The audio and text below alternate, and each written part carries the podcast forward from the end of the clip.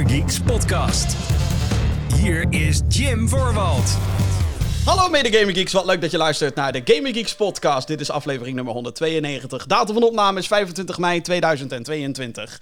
Ah, leuke, bijzondere aflevering wat mij betreft. Want ik ben Jim, zoals je weet. En tegenover mij zit een, nou niet per se een mede-geek, maar hij is wel geek. Hij heeft ontzettend veel verstand van games. En ik ben ontzettend vet, eh, of ik vind het ontzettend vet. Ik ben ook ontzettend vet trouwens, maar dat is even terzijde. Eh ik vind het ontzettend vet dat je er bent. Martin Verschoor is hier gewoon. Ja, heb je geen eh, applausknopje? Nee, ik heb geen applausknopje. Jammer. Ik heb wel een... eh, Eerlijk, kritisch en direct. Dit is de Gamer Geeks podcast. een opnamesetje meegenomen naar het Wie is hoofdkwartier. deze stem? Eh, dit is eh, Jasper Leidens Wat goed. eh, van, eh, van Kink. Eh, stem radiozender waar ik ook... Ja, nee, die heeft een hele goede stem. Ja, ja daar ben ik heel erg dankbaar voor. Marten Verschoor is, eh, is eh, vandaag mijn eh, co-host. Welkom. Ja, Ik zeg wel welkom, maar eigenlijk ben je, ik bent- de je gast. bent bij mij. Ja, eigenlijk ben ik de gast bij... Welkom. eh, ja, dankjewel. Ja, ik vind het echt heel, heel erg tof. Ik ben eh, nou, officieel dan te gast bij Reshift. Dat is eigenlijk het... Kan ik wel even gewoon heel simpel zeggen. Het moederbedrijf van Power Limited Ja. en Gamer.nl. Waar jij hoofdredacteur van bent. Ja, Reshift is gewoon een klassieke uitgever eh, van de bladen. Eh, ze doen ook wat andere merken zoals Kieskeurig, Zoom, eh, dingen met de stekker vooral. Eh, maar ook een paar gamingplatformen, dus Power Limited Gamer, Inside Gamer. En daar mag ik eh, hoofdredacteur van zijn. Ja, ja te gek hè? Ja, vet hè? Ja, ja, nee, zo, echt. zo bizar, man. ik weet nog dat ik 12 jaar was. Ik liep de, de, de, de Primera heet het nu. Ik weet niet hoe het toen heette. Ik liep daarin met mijn moeder. Ik zag daar een game magazine liggen. En ik, ik zei tegen mama, mama, mag ik dat hebben? En ze zei van, ja, ja, is goed, prima. En een maand later wilde ik een, abonnee, eh, wilde ik een abonnementje wilde ik erop nemen. En dat was Power Unlimited. En ik had zoals altijd zo graag van, ja, als ik daarvoor kan werken, het zou echt fantastisch zijn. En gewoon, ja, wat is het? 30 jaar later doe je dat gewoon. Dat Ja, bizar. Bizar, ja. Ik denk dat we allemaal... Ik, ik denk dat heel veel Nederlandse gamers ook gewoon nog wel weten wanneer ze hun eerste pu... Wat was, wat was jouw eerste cover? Mijn eerste cover was Duke Nukem Zero Hour. Dat weet ik nog heel goed. Dat was zo'n CG-render van de Duke... Mhm. die dan zo'n pick-up eh, bij zijn shirt pakte... en dan zo'n gun naar de... ja, hij stond met één been, stond hij ook op een hoofd, volgens mij. Ik, Ja. je, je kent al die covers ken nog uit je hoofd. ja, Ze zijn gewoon iconisch. Ja, nee, maar echt. Ja, ik, ik kan me ook nog herinneren dat ik dan mijn moeder liet eh, eh, oudere eh oplages of oudere edities liet bestellen. Want dat kon toen nog. Ja, En dan wilde ik er ook eentje, omdat ik was toen helemaal into shooter games. Dus Duke Nukem was mijn ding en Doom was toen al mijn ding. Ik had een verlepte jeugd, zo kan je het wel zeggen. Eh, first person shooters op zes jaar oud of zo. Ehm, Wie- dat deden we allemaal, toch? ja, ja, daarom. Ja. En eh, ik kan me ook heel goed herinneren de cover met eh, een kip die dan, weet ik hoeveel guns om zich heen had. Redneck Rampage. Redneck Rampage, ja, ja. witte, witte cover. Ja, ja, te Die gek. kip, ja, die was lijp. Ja. Nou, we, hebben ze, we zijn onlangs verhuisd.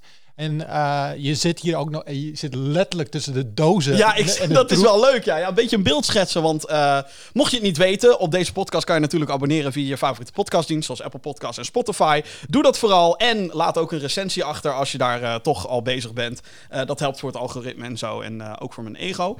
Ehm, een videoversie is er ook, maar dit keer dus niet met mijn hoofd of whatever. Want ik denk, ik ga voor het eerst ga ik sinds weet ik hoe lang naar iemand toe. Ik ga voor het eerst naar, naar, naar jou toe, naar, naar, naar hier toe. Ehm, dus laat ik het gewoon simpel houden en alleen audio meenemen. Ehm, maar ik bedoel, ja, we zitten hier inderdaad tussen de dozen. Maar dat, ik, ik, ik vind dat op de een of andere manier. Past wel bij ons, toch?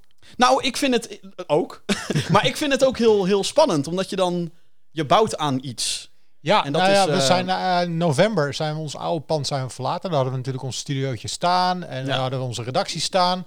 Eh, maar dat, dat pand ging plat en ze hebben dit megalomaan een nieuwe pand hebben ze gekocht. Ik zeg wel nieuw, maar het is eigenlijk een oude autogarage die ze hebben omgebouwd. Ehm, maar er was nog helemaal niks. Dus we zijn een beetje aan het bouwen nu. We komen natuurlijk ook uit, eh, uit de coronaperiode, dus we hebben Ja. allemaal thuis gewerkt ook. Dat ging op zich helemaal prima. Iedereen had zijn eigen thuisstudiootje. Allemaal, eh, we zijn ook allemaal livestreamers en dat soort dingen. Dus iedereen kon zich thuis prima managen. En deden allemaal dan via Discord met elkaar, konden nog steeds opnames maken. Maar nu zijn we echt weer opnieuw aan het bouwen. Ik heb je net een kleine rondleiding ge- gegeven. ja, we ja, hebben een livestream studio, we hebben een regiehok en we hebben, nu zitten we in onze grote studio. Die wordt volgende week aangepakt, dus er staat nu nog helemaal vol met dozen en dat soort dingen. Maar eh, hier zijn we dus lekker eh, ja, ons eigen wereldje weer aan het bouwen. Ja, ik ben heel erg benieuwd. Ik vind het echt, eh, ja, wat ik al zei, ik vind het helemaal te gek. En, en ook inderdaad, wat je zegt, ik heb deze podcast, neem ik altijd op vanuit mijn zolderkamertje. Veel te heet. veel, te, veel te warm, veel te compact eigenlijk allemaal. Dus ik vind het, ja, nogmaals, wat ik, wat, wat ik al zei, ik vind het echt te gek dat ik hier ook even langs mag komen om, om deze show met jou te doen. Altijd welkom. Ehm, Martin, jij bent, eh, eh, want dat is ook wel interessant. Ik ben iemand die in deze show heel vaak natuurlijk meningen geeft. Gaan we sowieso ook aankomen, denk ik, het aankomen pak een beet uur. Ja. Ehm, maar jij bent echt gewoon journalist. Nee, ik ben Gamejournalist. geen journalist. Geen journalist. Nee. Ik dacht dat je jezelf zo noemde via Twitter. Ik heb je Twitter bio natuurlijk nog even gekeken, zodat ik... Nee, eh, dat staat er niet. Echt nee, dat niet. staat er niet. Le- wauw, nee. wacht, we pakken nu allebei. Nee, Oké, nou, je, je, bent, je bent lang betrokken bij de gamewereld, van achter de schermen. Laat ik Ja, dan maar ik zo, noem mezelf eh, echt geen journalist. Dat doe ik echt journalisten tekort mee, denk ik. Nou ja, weet ik niet. Wacht, Nee, We zijn nu allebei op Twitter Ja. aan het kijken. dat kan niet. Ik geloof dat niet. Dat Ja, hier, hier, kijk, hier. Als je, als je naar jouw journalist, hier onder je... Bij beroep. bij je- Oh, als Oh! beroep. Ja. Ja, oké. Ja, maar dat is Snap ik ook wel. Voor Twitter dan moest je iets aangeven. Ja, precies. En dan is content creator... Ja. Nou, ik, ik- wat ik wel opvallend... Nou Maar ja, ik heb het niet zelf in mijn bio gezet. Oh, ook, oh, echt niet. Oh, oh. Dat doet Twitter zelf dan, of zo? Ja. Oh, oké. Ja. Opvallend. Ja. Nou ja, ik weet wel dat, eh, dat er wel onderscheid gemaakt wordt in de gamingwereld tussen wanneer je journalist bent en wanneer je content creator bent. Hmm. Dus jij vindt jezelf meer een content Ik creator ben meer een dan- content creator dan een journalist. Een journalist, eh, dan heb ik het al snel over een Daniel Verlaan. Ja, of een Jason Schreier als we het eh, Oh, internationaal ik, hebben. Ja, precies. En eh, wij, wij zijn meer eh, recensenten of content creators. En we hebben natuurlijk wel een mening over videogames. Ja, Ehm, ben je daarmee dan meteen journalist is dan natuurlijk de vraag. nee, ja, weet je, we, we doen wel ons journalistieke werk. We hebben, maar ik noem mezelf geen journalist, journalist. We hebben wel een grote groep aan freelancers die wel echt journalist zijn. Mhm. Zo. Ik noem een Michel Musters. Die is echt een journalist hart en nieren. Eh, ook opleiding journalistiek gedaan. Uh, Ron Forstermans, eh, ook journalist, eh, journalist, is er bezig met gaming. Eh, alleen om een, een brood te verdienen in gaming in Nederland van de journalistiek, dat is onmogelijk. Echt kan onmogelijk, niet. Kan kan niet. gewoon niet. Dus die jongens doen er allemaal nog iets naast. Die Ja. schrijven voor kranten, werken voor eh, tv, radio. Nou, een beetje hetzelfde wat jij allemaal aan het doen bent. Ehm, en dat, is- dat, die noem ik wel echt journalisten, maar, maar mezelf niet. Ik, ik ben eerder, eerder een criticus, recensent, content creator. Ja, oké. En merk je, eh, want je zit er al een tijdje. Ja. Ehm, eh, eh, Ik denk een jaar of twintig nu, denk ik. Damn, ja.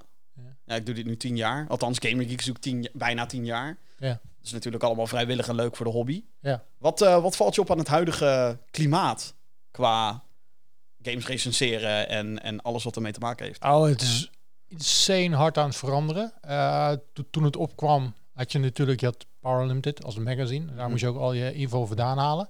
Er waren nog wat andere magazines. In, eh, in, in Vlaanderen waren een paar mooie magazines. In Nederland waren er ook meerdere magazines natuurlijk. Eh, toen kwam eh, internet kwam erop. Had je een paar grote gaming websites. Gamer.nl, Instant Gamer was gigantisch. XGN heb je natuurlijk nog steeds. PlaySense heb je nog steeds. Ehm eh, Tweakers was ook altijd wel, wel bezig met videogames. Alleen ehm, eh, toen kwam echt die opkomst van, ik denk tien jaar geleden, misschien wel meer, van YouTube. kwam echt hard de, ho- de hoek omzeilen. Ja. En wij, wij waren er allemaal een beetje eh lacherig om aan het doen. Ja, ah, ja. Kijk die gasten nou zitten. Ja. Maar kijk ze nu eens. Ze zijn huge, die gasten. Ja, die, ik bedoel, mijn dagelijkse eh, schema is ook altijd... Ik word wakker, check Twitter, check YouTube. Van wat er eigenlijk gaande is en wat voor... Maar dat, dat is ook eh, dat is heel erg opgekomen. En we merken ook de laatste tijd vooral dat, dat de consument, eh, de, de, de mensen die ons eh, eerst misschien het blaadje kochten, onze website bezochten, die zijn ook heel anders zich aan het begeven over het internet. Ze gaan niet meer fysiek, ze gaan niet meer echt websites bezoeken voor game nieuws. Ze, gaan, ze checken Twitter, ze checken Instagram. ja. Of ze gaan naar nu.nl, rtl.nl, want gaming is geen, geen, geen subcultuur meer. Het is popcultuur geworden. En dus die grote platformen nemen dat ook mee. ja. Dus in je rondje op nu.nl staat ook het belangrijkste game nieuws, staat er al. En het wordt ook echt gebracht door goede gasten. Gelukkig wel, ja. Ja, maar die komen Ja. vaak bij ons, die, vaak worden ze bij ons weggeplukt. nou ja, Damn bij- you, nu.nl. Nee, ja, maar het is wel goed dat ze echt gewoon, ze nemen het serieus. Ja, nou ja, kijk, ik heb, dat vind ik eh, heel tof. Ik heb natuurlijk ook in het eh, verleden gewerkt voor, eh, nou, onder andere RTL Boulevard heb ik gewerkt. Ja, En eh, het, het gebeurt nog wel regelmatig. Ik weet niet hoe jij erin staat, maar het gebeurt nog wel regelmatig dat ik me dan erger aan hoe videogames gebracht worden.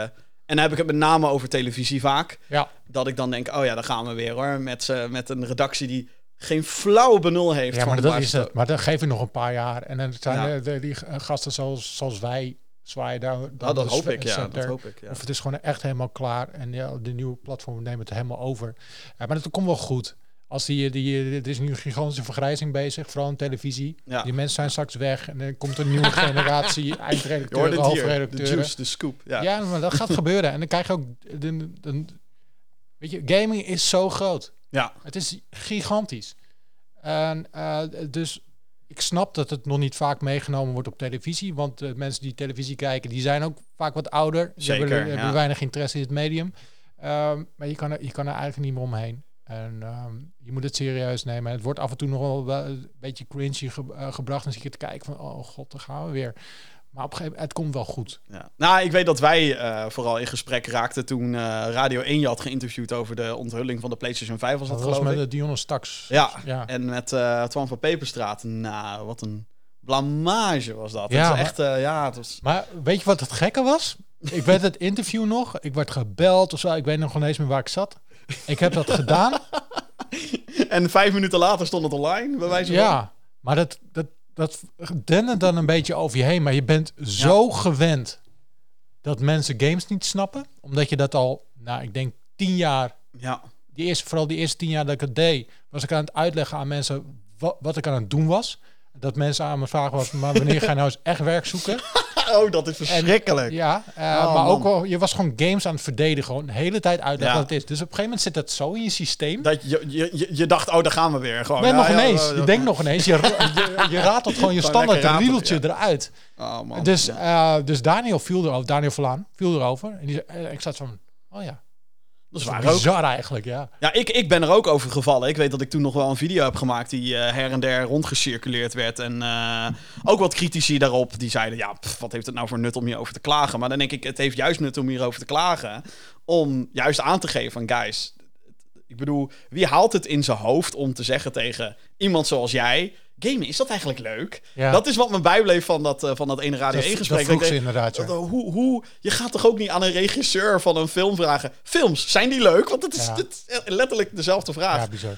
Nou goed, whatever. Als je zo over nadenkt, dit is in- inderdaad bizar. Maar ja, ik, ik zat er ook zelf bij na Ja, misschien had ik bij de hand moeten zijn en er gewoon zelf wat over moeten zeggen. Dat ben ik eh, nu ook wel. Eh, ik heb er wel van geleerd trouwens. Ja, Ik, ik doe regelmatig, als er iets gebeurt in de wereld van videogames, word ik vaak gebeld. ja. Eh Jeugdjournaal doe ik heel vaak, dat is superleuk. En die nemen het wel echt serieus. Ja, nou, ik... dat doen ze echt heel ja. goed. Eh, maar ook eh, de, shownieuws en dat soort dingen doe ik ook al eens. En dan, ehm, als er dan zo'n opmerking voorbij komt, dan ben ik daar nu wel wat scherper op. En dan zeg ik ook gewoon even, doe normaal of zo. Maar wat ik Ja, ook, nou ja, ik, heb dus een tijdje shownieuws gedaan ook. Ja, Ook de, de, de grote onderwerpen doe je dan, Fortnite en Minecraft. Ja, En ja. Als er een mini-consoletje uitkomt, dan, dan doe je dat. Maar dan sta je daar met mensen, eh, de Albert Verlinders van deze wereld. maar die, eh, de, de- op een gegeven moment kwam er wel een opslag dat ze gewoon serieus vragen eh, over het medium aan het stellen waren, in plaats van, hahaha, dan heb je zo'n Nou, guy met computerspelletjes. breek me de bek niet open, want ik heb een paar jaar natuurlijk bij RTL Boulevard heb ik Ja. gewerkt. Of natuurlijk, het- mocht je het niet weten, ik heb een paar jaar bij RTL Boulevard gewerkt. Hoe is dat gekomen, Jim? Vraag, vraag nou, nou ja, heel kort verhaal. Ik werd gevraagd om daar te komen. Mhm. Ehm, en ik wen natuurlijk van de videogames en ik moest inderdaad ook die onderwerpen doen. En hey, ik zit er al een paar jaar niet meer, kan mij het verrot, ik vertel het gewoon allemaal. Maar het was, het was heel fascinerend wat voor argwaan daar was achter de schermen daar over games. Er werd heel lullig over gedaan, heel kleinerend. Heel zo van, ja, dat boeit letterlijk niemand toch? Weet je, wie er wel naar Boulevard kijken? En dan denk ik, ja, maar jullie willen steeds jonger worden met dat programma. Dan moet je uiteindelijk wel ergens... En het was ook niet zo dat ik elke week vond dat er videogames in Boulevard moeten. Maar als er inderdaad een Fortnite opkwam... of eh, Red Dead Redemption kwam uit... of inderdaad de mini-consoles, hebben we ook gedaan bij Boulevard toen de tijd. Ja, dan moet je daar aandacht aan besteden... als je jezelf een serieus... of serieus, ja, tussen aanhalingstekens... maar als je jezelf een entertainmentprogramma vindt... Ja. dan vind ik dat dat meegenomen Nou, hoort moet dat er zeker bij. Net Ja. zoals uh, nieuwe boekreleases of nieuwe Zeker, ja, muziekreleases. ja, is, ja, is ja. wel iets wat je mee moet nemen. Zeker. Nou, leuk man. Ja, maar hier kunnen we het alleen maar over eens zijn natuurlijk. Dat is misschien een beetje saai. Ja, dat is waar. Oké, nou laten we snel doorgaan dan. De playlist. Eh, heb jij überhaupt iets wat je speelt op dit moment, Maarten? Waarvan je zegt, daar moet ik eventjes Maarten? iets over Martin. kwijt. Of Ma Godsamme, Martin. Hier, daar ga ik al. Martin. Zie ik ben wat scherper geworden. Ja, nee, je bent echt Ja, scherp. Di- Dionne Ja. straks liet ik gewoon nog mijn naam verkeerd uitspreken. Maar Nooit meer. Nooit meer. Never Martin. Eh, wat ik, eh, ehm, nou ja, ik, ehm, ik doe dit dus, dus eh, ik word voor acht uur per dag word ik betaald. Ja. Maar ik doe dit wel wat meer uurtjes per dag. Ik ben de hele godganse dag met games bezig. Maar ik heb ook een gezinnetje. Uh, ja. Die hebben ook aandacht nodig, vrouwen ook wat aandacht. Dus eh, ik, ik ben wat eh, geminderd in het spelen van de videogames. Eh, hier op de redactie, iedereen denkt dat, eh, dat we altijd de hele dag met videogames bezig Dat zijn. vind ik echt het allergrappigste. Dat, je, dat mensen denken, oh, dus jij bent alleen maar... Aan het als gamen. het is Ja. niet alsof er een website met content gevuld moet worden. en een, eh, ja. een, een magazine gevuld moet worden of zo. Ja, precies. Dus eh, da- daar ben ik vooral mee bezig. En eh, hier, ik ben zelf dus hier weinig aan het gamen. We doen hier vandaag wel livestreams, dus dan ben je wel echt Ja. eh, aan videogames aan het spelen. Eh, maar thuis eh, wil ik nog wel eens een potje spelen. En ik, eh, ik, ben, ik ben echt hooked aan Apex Legends. Oh, Die Battle Royale shooter is zo goed gebalanceerd. Dat is echt fantastisch. Ik ben Sifu ben ik aan het spelen. Oh ja, dat is die Kung Fu game. Ja, ook geniaal. Echt fantastisch goed. Het, het toffe is, elke keer als je doodgaat, word je een jaartje ouder. Maar als je op een gegeven moment eh, ben je zo oud dat je echt dood neervalt. En dan moet je gewoon opnieuw beginnen. En ik heb zoiets, als ik helemaal opnieuw moet beginnen met games, dan gooi ik ze meestal het raam uit. Dat trek ik gewoon. dus dat roguelike, dat is helemaal niks voor jou. Maar deze game wel.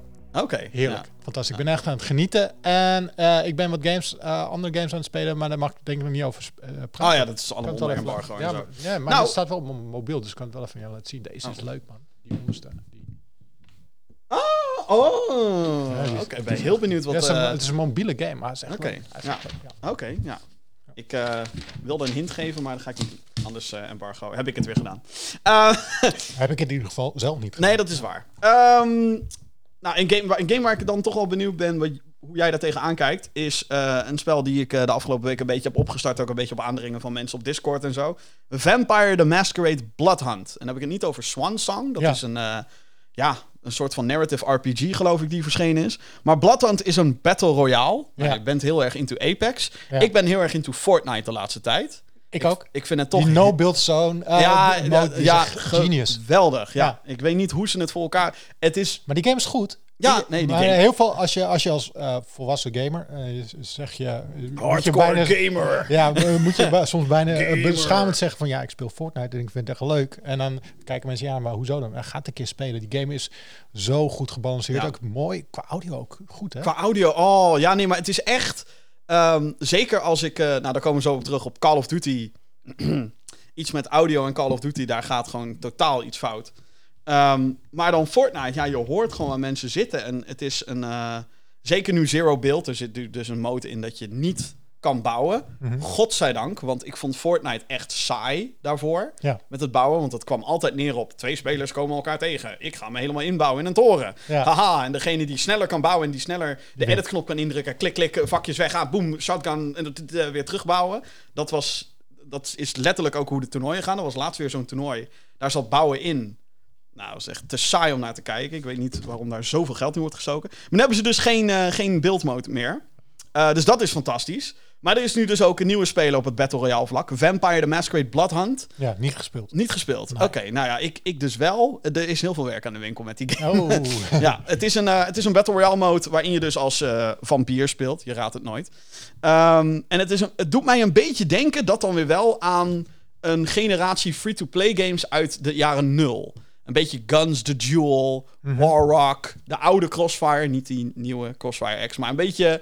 Een beetje die, het voelt een beetje janky, maar dan op een lekkere manier. Dat je denkt, oh ja, dit is totaal niet realistisch, maar dat maakt niet uit. De movement is een beetje stijf, maar dat maakt niet uit. Want het is een, een Battle Royale game. En het, is, het principe van Battle Royale blijft hetzelfde. Dus je spant in een map. Dit keer drop je niet, maar je spant gewoon ergens. Je kan zelf kiezen waar.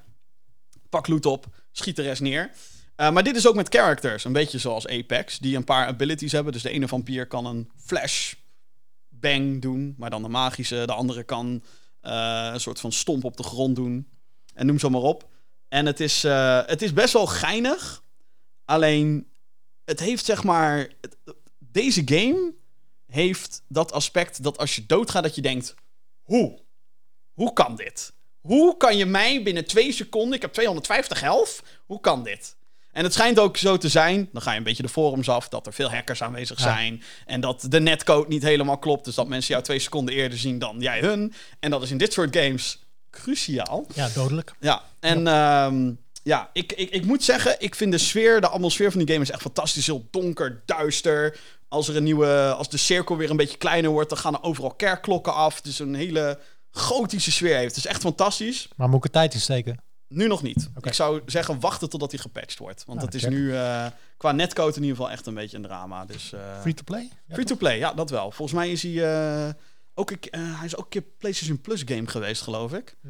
Toen was het zo'n PS5 exclusive. Ik laat hem nog even liggen. Ja, laat hem nog maar even liggen. Als er een patch komt en zo, dan komt het misschien goed. Maar ehm, ja, dat komt. Zometeen in de Gamer Geeks podcast. Ja, zometeen gaan we het nieuws bespreken met daarin onder andere Call of Duty Modern Warfare 2 heeft een release datum. Een nieuwe Diablo game gaat Nederland en België skippen. En Microsoft heeft een gigantische deal misgelopen, zo blijkt. Daar gaan we het zo meteen natuurlijk uitgebreid over hebben. Nieuws. Maar eerst, PlayStation Plus, Martin. Ja. Heel benieuwd hiernaar hoe jij hier tegenaan kijkt. Eh, de vorige aflevering van de show ehm, heb ik namelijk best wel lopen zeuren over de line-up die op het PlayStation blog bekend de- werd gemaakt. Van de videogames die je kan spelen straks. Ja, exact. Ja. Eh, in Azië is de vernieuwde PlayStation Plus abonnementsdienst van start gegaan. En dat geeft een kijkje in een wat meer uitgebreidere line-up ten opzichte van de lijst die Sony dus eerder publiceerde. PlayStation Plus wordt in Europa vanaf 22 juni ingedeeld in drie tiers. De eerste is Essential, die bijna gelijk staat aan het huidige PlayStation Plus. Met toegang tot online spelen, cloud saves en een paar games per maand die je kan toevoegen aan je bibliotheek. Zolang je abonnement loopt natuurlijk. Dat gaat trouwens van 3 naar 2. Dus eh, hm, goed gedaan Sony, sticky. Eh, bij de extra tier komen er tientallen PS4 en PS5 games bij. De premium tier bevat naast het zojuist genoemde eh, ook games van de PlayStation 3, PlayStation 2, PlayStation 1 en bijzonder PSP-platforms. Waar is PS Vita? Eh, deze kunnen desgewenst gestreamd worden via de cloud. PlayStation 3-titels moeten gestreamd worden. En bij deze tier zijn er ook een aantal trials beschikbaar waarbij je de selectieve games op kan proberen voor een aanschaf. Een aantal opvallende titels die nu toegevoegd zijn aan de hogere tiers. Maar let op, dit is dus in Azië. Of dit voor ons gaat gelden, is nog maar de vraag. Maar een paar opvallende titels wat mij betreft. eh, dat zijn eh, Killzone Shadowfall. Alle andere Killzone games zijn nog steeds vermist. Bijna alle Final Fantasy games voor PS4. Met uitzondering van de belangrijkste 7 Remake. Eh, Bioshock 2 en Infinite Remastered, die zijn toegevoegd. Ik was daar de vorige keer een beetje op aan het zeiken, omdat het alleen deel 1 was. Waar waren 2 en 3? Nou, die, zijn, die staan er nu dus tussen. En, deze vond ik leuk, want dit is een jeugdspel. Disney's Toy Story 2 Buzz Lightyear to the Rescue voor PlayStation 1. Wat een briljante game is. Ja, top. top. De dienst eh, heeft door features al wat kritiek over zich heen gekregen. Zo lijkt het erop dat PlayStation 1 games met de PAL-versie draaien. Wat betekent dat ze op 50 hertz gedisplayed worden. In plaats van de voor Amerikanen gebruikelijke 60 hertz. Hierdoor draaien de games iets wat trager. Met de mini-console, de PlayStation Classic, ging Sony ook al deze fout in. Kreeg ze ook veel kritiek op. Daarnaast is ook bekendgemaakt, dat las ik op een obscure website genaamd powerlimited.nl, dat de aangeschafte DLC voor Play- PlayStation 3 games niet meegaan naar deze, deze dienst. Een hele hoop. Ja, maar er is meer. Er is nog meer. Er is meer. Eh, de, de, deze abonnementsservice is nu een dag live in Azië. Ja. Mensen zijn aan het spelen. Maar eh, Sony doet in de wintermaanden doen ze vaak een soort van kortingsactie. Ja. Dat je PlayStation Plus kan kopen. Oh ja, dat is waar, ja. Voor, Ja, voor 60%. Precies, ja. Dat is wa- wanneer iedereen zeg maar erop duikt. Ik ga nu een jaartje kopen, want het is nu maar 30 euro. Precies, of je kan lekker stapelen. Dat Exact, was ook. ja. Je kon voor vier jaar kon je lekker kopen. Ja. Eh, maar wat gebeurt er nu in Azië? Mensen die dat hebben gedaan, en Oh, die, nee. eh, die zijn nu automatisch overgezet naar Essential. Maar die hebben dus die PlayStation Plus met korting gekocht. Maar wat er nu gebeurt, Sony wil het bedrag wat ze eh, aan korting hebben gekregen, zijn ze nu aan het terugvorderen. Nee. Dus je hebt iets gekocht met korting en er komt dus nu komen ze aanzetten van ja, maar je moet wel even die, eh, je moet wel even extra lappen nu. Oh mijn god. En wat er ook gebeurt, Ik heb dit helemaal gemist ook. dat is vandaag. eh, Is het Oh, dat de is hand. een break, br- breaking news. En wat er nu ook gebeurt, is mensen die aan het stapelen zijn. Dus je, weet je, in december wist je nog niet dat dit eraan Nee, te komen. nee, dit maakt ze ergens in het voorjaar maakt ze dit bekend. Ehm, en wat, wat het precies zou worden, weten we ook pas een aantal weken. Maar wat er daar nu is gebeurd, mensen hebben daar misschien wel voor vier jaar hebben ze PS Plus abo- abonnementjes hebben zitten ze stapelen. En dat wordt nu automatisch omgezet in Essential. Maar misschien ben jij wel iemand die een maandje even premium wil proberen. Gewoon om even die Ja, even Toy Story, kijken, die, die ja, Toy Story game je nog een keer spelen. Gewoon één keer, één maandje. Wil je niet voor vier jaar doen, wil je voor één maandje. Je wil voor één maandje wil je even upgraden. Kan niet. Moet je meteen voor die volledige looptijd van die vier jaar doen. Nee.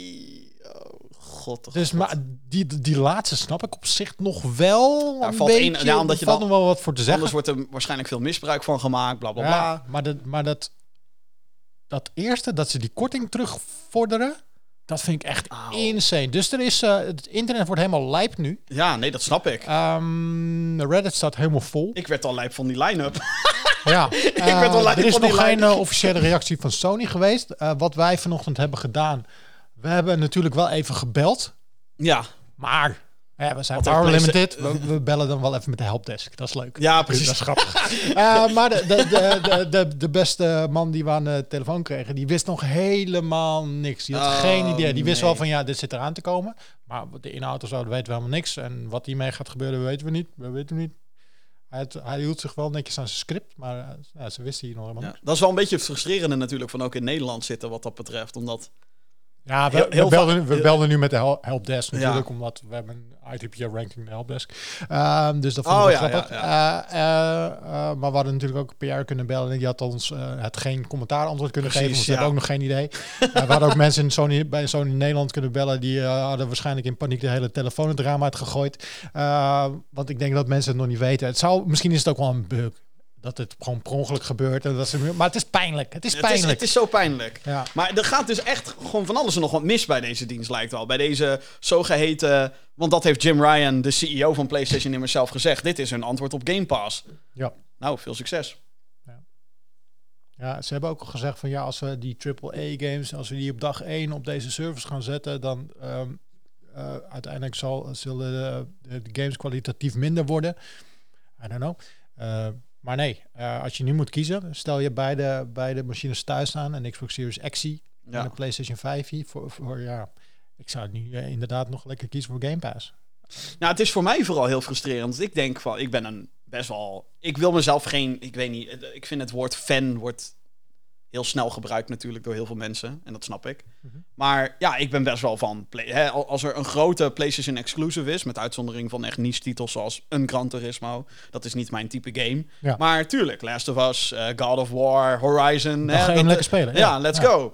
Dag 1 purchase, pre-order. En eh, als er nou een fysieke kopie bij zou zitten, Collector's Edition. Ja. Ehm, maar dan, dan kijk ik naar een dienst zoals dit en dan denk ik, oké, die essentials en extra tiers, die snap ik volledig. Dat is, als je geen diehard bent zoals wij tweeën, dan is dat geweldig. Want Ja, er staat stop. een hele lijst met Ja, hele toffe first-party exclusives staan er ook die misschien tussen. twee jaar geleden zijn uitgekomen, maar als je ze ja. nog niet hebt gespeeld, zijn nog uh, hartstikke En ook eh, uitschieters zoals Returnal staat er ook op, geloof ik. En, en Demon's Souls en, en dat soort dingen. En, en eh, Ubisoft eh, heeft er een aantal titels op staan. Red Dead Redemption 2 staat erop. Nou, dat is allemaal te gek. Maar dan kom je bij die premium tier. En dan denk ik, waar is daar de waarde? En waarom zijn er zo weinig games? Hoe kan dit? Hoe, hoe kan het zijn dat de line-up van je fucking PlayStation Classic beter is dan deze premium dienst? Ja, het is Het is Het bizar. zal ongetwijfeld aangevuld worden, zodat ze elke maand weer iets leuks kunnen aan, aan, aankondigen, zodat eh, mensen zoals jij en ik daar content over gaan maken en Ja. weer iets hebben om over te praten. Dus het zal, ja, precies. Het zal ongetwijfeld uitgebreid worden, maar als je er nu naar kijkt als consument en zoals wij er naar kijken, dan heb je nu zoiets van. Eh, Ja, het- nee, ja, ik, ik, nee, ga, nee. ik, ga, ik ga hier niet dit premium abonnement voor nemen. Niemand. Ik heb Kijk een jongens, we hebben, een, we hebben een PlayStation 2 line-up. Maar het zijn eigenlijk gewoon alle PS4 remasters die we al hadden op de PlayStation Ja, Store. nou, Haha, oké, boeien. We hebben hier wat, eh, wat gamers op de redactie zitten. We hebben allemaal zoiets van... eh, eh, we hebben eh, jongens handjes omhoog wie die premium eh, eh, abonnement gaat nemen. Niemand. Niemand. Ja, nee, echt. Ja, nee, helemaal niemand. Nee. En dan heb je ook nog die games die spelen af in 50 hertz. Ja, ja, ik denk dat voor... Ik bedoel, tuurlijk, als je er heel analytisch naar gaat kijken... en Digital Foundry, eh, ik weet niet Maar je merkt daar- het wel. Je merkt het echt wel. Ja, je merkt je het echt? Ja, ja, ja, zeker. En eh, de reden waarschijnlijk is, is omdat ze altijd de laatste versie van een game moeten pakken. Oh. En de Europese games werden altijd als laatst gemaakt. ja. Eh, dus daarom zitten we denk ik al met z'n allen vast aan die 50 Oh, hertz wat versies. raar, joh. Ja. Raar systeem. Ja, ja nee, dit, dit is hartstikke teleurstellend. Ik, ehm, ik, nou ja, wat ik al zei, ik was de vorige aflevering was ik er heel erg over aan het bitchen over. Je hebt Resistance 3, maar geen 1 en 2. Like, wa- wat is het nut hiervan? Waarom doe je dat? Het zal ongetwijfeld iets met licenties te maken hebben. Maar mensen, Ja, dat kan toch? Het is, toch, het is een first-party game. Het is, van so, het is van Insomniac. Het is van Sony. I don't know. Er is ongetwijfeld iets aan de hand. Ja. Maar We zullen er nooit... Nou ja, misschien ooit achterkomen als Jim Ryan 20 jaar weg is bij het bedrijf en hij een keer En een iets, boek eh, schrijft of zo. ja. Komen we zo op terug. Eh, volgende nieuwtje dan. Eh, en dat is wederom slecht nieuws voor de echte Blizzard, die, die, die, die Blizzard diehards. TechSite Tweakers meldde deze week dat de free-to-play action RPG Diablo Immortal namelijk niet uitkomt in Nederland en België. Dit heeft hoogstwaarschijnlijk te maken met een strengere wetgeving omtrent gokken en lootboxes in games. Diablo Immortal komt op 2 juni uit voor mobiel en PC, behalve dus hier waar wij fysiek zijn nu. De game staat voornamelijk bekend om zijn toondove aankondiging tijdens BlizzCon 2018. De game werd toen enkel voor mobiel aangekondigd en was de sluiter van de openingsconferentie. En even voor de context, dan zit je dus voor een zaal met diehards die daar naartoe komen vliegen, die al 20 jaar lang je game spelen op PC. Nadat bij een Q&A-panel werd gevraagd of de game ooit naar PC, eh, PC ging komen, werd dit ontkend. Waarna de boeg geroepen en het publiek ontstond. De legendarische zin... You guys not have phones? werd toen uitgesproken. De game wordt ontwikkeld door het Chinese NetEase in plaats van een intern team bij Blizzard. Het is ook zeker niet de enige game die niet in onze kikkerlandjes wordt uitgebracht. Eerder dit jaar weigerde Amazon Game Studios ook Lost Ark hier officieel uit te brengen om diezelfde reden. Opvallend is het wel, aangezien de rechter onlangs nog uitspraak heeft gedaan omtrent de FIFA Ultimate Team Card Packs. Deze werden niet gezien als apart gokspel en mogen daarom nog steeds verkocht worden. Dus Diablo Immortal, missen we hier veel aan. Nee, ik, ik weet nu wel waarom mijn interview van onlangs niet door is gegaan. Eh, ik had, Over Diablo Immortal. ja, ik had, er stond gepland, maar op een gegeven moment kreeg ik een mailtje. Ja, sorry, hij gaat niet door. Dus eh, nu weet ik ook En dan waarom. krijg je ook niet te horen waarom. Nee, Ah. hij is gewoon, hij is gewoon gecanceld. Ja, ja. Eh, maar eh, ja, ja, I don't know. Ik ben, uh, mis wie iets, eh, echt iets aan. Als je het wil spelen, dan slinger je je VPN aan. En dan kan je, uh, download je die, P, eh, wat heet het, PK, PKG. En dan kan je nog steeds lekker gaan. Maar hij komt ook naar PC, toch? Ja, toch wel. Ja, Wat natuurlijk de hele situatie omtrent de game zelf nog hilarischer maakt. ja, You guys not have phones. ja. Ja, dat was een hele ongemakkelijke uitspraak. Maar op, Oh. hij heeft natuurlijk wel heel ergens... eh, ergens heeft hij wel gelijk. Tuurlijk. Als we gaan kijken van eh, hey, wie speelt er games? Hoe vaak worden de Ja. games gespeeld? Wat zijn de meest populaire games van dit moment? Het zijn al die mobile versies van grote franchises. Dus ik snap het bedrijf economisch is het gewoon Zeker. Ja, nee. slim om zo'n zo'n game naar mobiel te, te brengen. Zeker. Ja, nee, daar heb ik ook niet, niks op tegen aan zeggen. Het was natuurlijk alleen heel stom als je dat voor een zaal... Ja, met, met- je meest met dedicated, Blizzard fans. gecosplayde mensen Ja, zitten dat- daar. Dat is niet het moment om dat... Oh, zo- Diablo 4? Diablo 4? Nee, Nee. Diablo Immortal voor mobile. Precies. eh, daar, daar, daar, daar komt de uitdrukking read the room vandaan, denk ik. Ja. Want het is gewoon niet, niet het moment om zo'n titel aan te kondigen. En dan moeten ze zelf toch ook wel weten. Zeker niet. Kijk, als je het ergens in die conferentie halverwege of zo, douw het even snel tussendoor. Van, Ja, oh, by the way, er komt een Diablo game naar mobile en we zijn bezig, wink, met meer. Ja, Dat maar niet als sluiter van je, Nee. niet als je one more thing. Dat was, oh mijn god. daar hebben ze wel van geleerd, denk ik. Dat hoop maar, Nou ja, het jaar erop deden ze natuurlijk, oh kijk, Diablo 4 en Diablo 2 Resurrected. Uh. Ja, ja. Het is heel pijnlijk. Maar eh, ja, ik, ik, ik ben zelf altijd van mening met, weet je, als je lootboxes in je games gaat droppen en zo. En je bent daar kennelijk dusdanig van afhankelijk dat je bang bent voor de wetgeving hier. Dan mis ik ook niks, joh. Dan ja, maar het is dus gaan. eigenlijk... volgens mij mogen ze wel weer nu. Ja, daarom. een uitspraak gedaan Ja. van... Hey, het is geen gokken, dus... eh doe Daarom vind ik het gek. Ja, Like, wat ben je... misschien weten ze het nog niet. Ze hebben, het gewoon die, ze ja, hebben het gewoon nog niet gelezen. denk het ook niet, nee. Activision... nou, maar het zou zomaar kunnen. We, lachen er nu een beetje om, maar de Activision Nederland is weg sinds vorig jaar. Gewoon in één keer, wat, Oh. pam, Activision Nederland weg. Alles wordt uh, Oh, bezuinigd naar Europa, Ja, eh, eh, dat- centraal. globalisatie, dat is wat je nu best wel ziet Ja. binnen gaming. Uh, ze denken dat ze Europa zien als één ding, één continent. Ze denken, oké, okay, dumpen daar één kantoor, vanuit daar wordt alles gedaan. Ja. Nou ja, je hebt gezien wat er gebeurde met Call of Duty Vanguard in Nederland. Ik heb die game nergens gezien. Mar geen marketing, niks. Helemaal niks. Oh. Terwijl de jaar daarvoor, als er een nieuw Call of Duty was, uh, kwam Ja. elk bushonkje uh, hing vol. Uh, reclames op tv, radio. Als je Instagram opende, werd je... RTL Boulevard, weet ik nog wel. nou, Ja. exact. Ja, maar vorig jaar helemaal niks. Want dat Nederlands kantoor was weg. En er zat, er zat een PR-bedrijf op. Maar er zat één guy op. Weet je, het is gewoon veel te Ja, het is gewoon, jij, jij doet dat portfoliootje wel. Ja, maar die, de, naast dat portfolio, eh, ik ken toevallig die, die, die- de, de beste man. Die heeft daarnaast ook nog een paar grote klanten. Dus die kan Ja. nooit dat ene account in zijn eentje doen. Daar hoort een heel team op te zitten. Ja, en dan exact. wordt, eh, dat, dat gebeurt nou voor heel Europa vanuit Londen. En nu weer Oh. vanuit Parijs volgens mij. Ze hebben nu wel weer een Nederlandse PR a- aangenomen. Maar ehm, zulke, zulke games, eh, maar ook de Blizzard games, dat hoort er natuurlijk bij. Activision slash Bli- Blizzard. Dat- Ja. Dat, het zou zomaar kunnen dat ze in Londen zoiets hebben van... Oh, eh, de- oh ja, het mocht toch niet in Nederland? Oh nee, maar ze hebben die hele uitspraak misschien nooit meegekregen. Het zou Nee, zomaar kunnen. nee, dit soort dingen. Heel vaak um, eh, eh, als dingen lekken. Games lekken. Uiteraard. Eh, info over games lekken vlak voor E3. Eh, E3 gaan we volgens mij zo ook nog even over hebben. Zeker. Eh, ja. denken heel vaak mensen, oh, dat is marketing. Dus dat hebben ze zo bedoeld. Maar dat gaat echt fout. Elk bedrijf is het een zootje. Je moet er gewoon van uitgaan. Bij elk bedrijf het is- het een zootje. Er werken mensen en er gaan dingen fout. Dus ook bij gigantische bedrijven. Er werken mensen. Het is daar een zootje. Er gaan dingen fout. En wat er wel eens gebeurt. Assets worden aangeleverd naar, aan bedrijven die er commercials van moeten maken. Ja, ja. Die gaan foldertjes drukken, dat soort dingen. Die zijn helemaal niet bezig met releases van games. Die, die, die weten niks van embargo's. Die weten niks van NDA's. En die laten het gewoon aan een kleine neefje zien. Van, oh, je Call of Duty, vind jij leuk toch? En die Ja, ziet dan, hier is de nieuwe. shit, Ja, ja, ja. nieuwe aan. Klik op internet mee. Norman Reedus die ineens zegt... Oh ja, we werken aan de tweede Death Ja, Stranding. Ja, exact, dat soort dingen. Die, die guy die heeft geen idee. Die heeft geen idee. Dus dat, dat soort dingen gebeuren gewoon. Dus het zou zomaar kunnen dat ze in Londen of Parijs, waar Activision nu ook een hoofdkantoor heeft in, Euro, eh, in Europa, dat ze zoiets hebben. Oh ja, Nederland mag dat niet, hè? Nee, is verboden. En dat ze gewoon dat hele bericht dat het Ja. nu alweer oké is. Ik denk ook dat het een, eh, in, dat in dat opzicht, eh, vanuit, als je vanuit die hoek gaat kijken, Nederland wordt natuurlijk vaak gepaard met Bene- Benelux zijn Ja. we. Ja. En dan is het dan, oh, in België mag het e- inderdaad echt niet. In België wordt er echt streng op, eh, je kan daar ook geen lootboxes meer kopen in Overwatch. Je kan ook geen lootboxes meer kopen in Heroes of the Storm.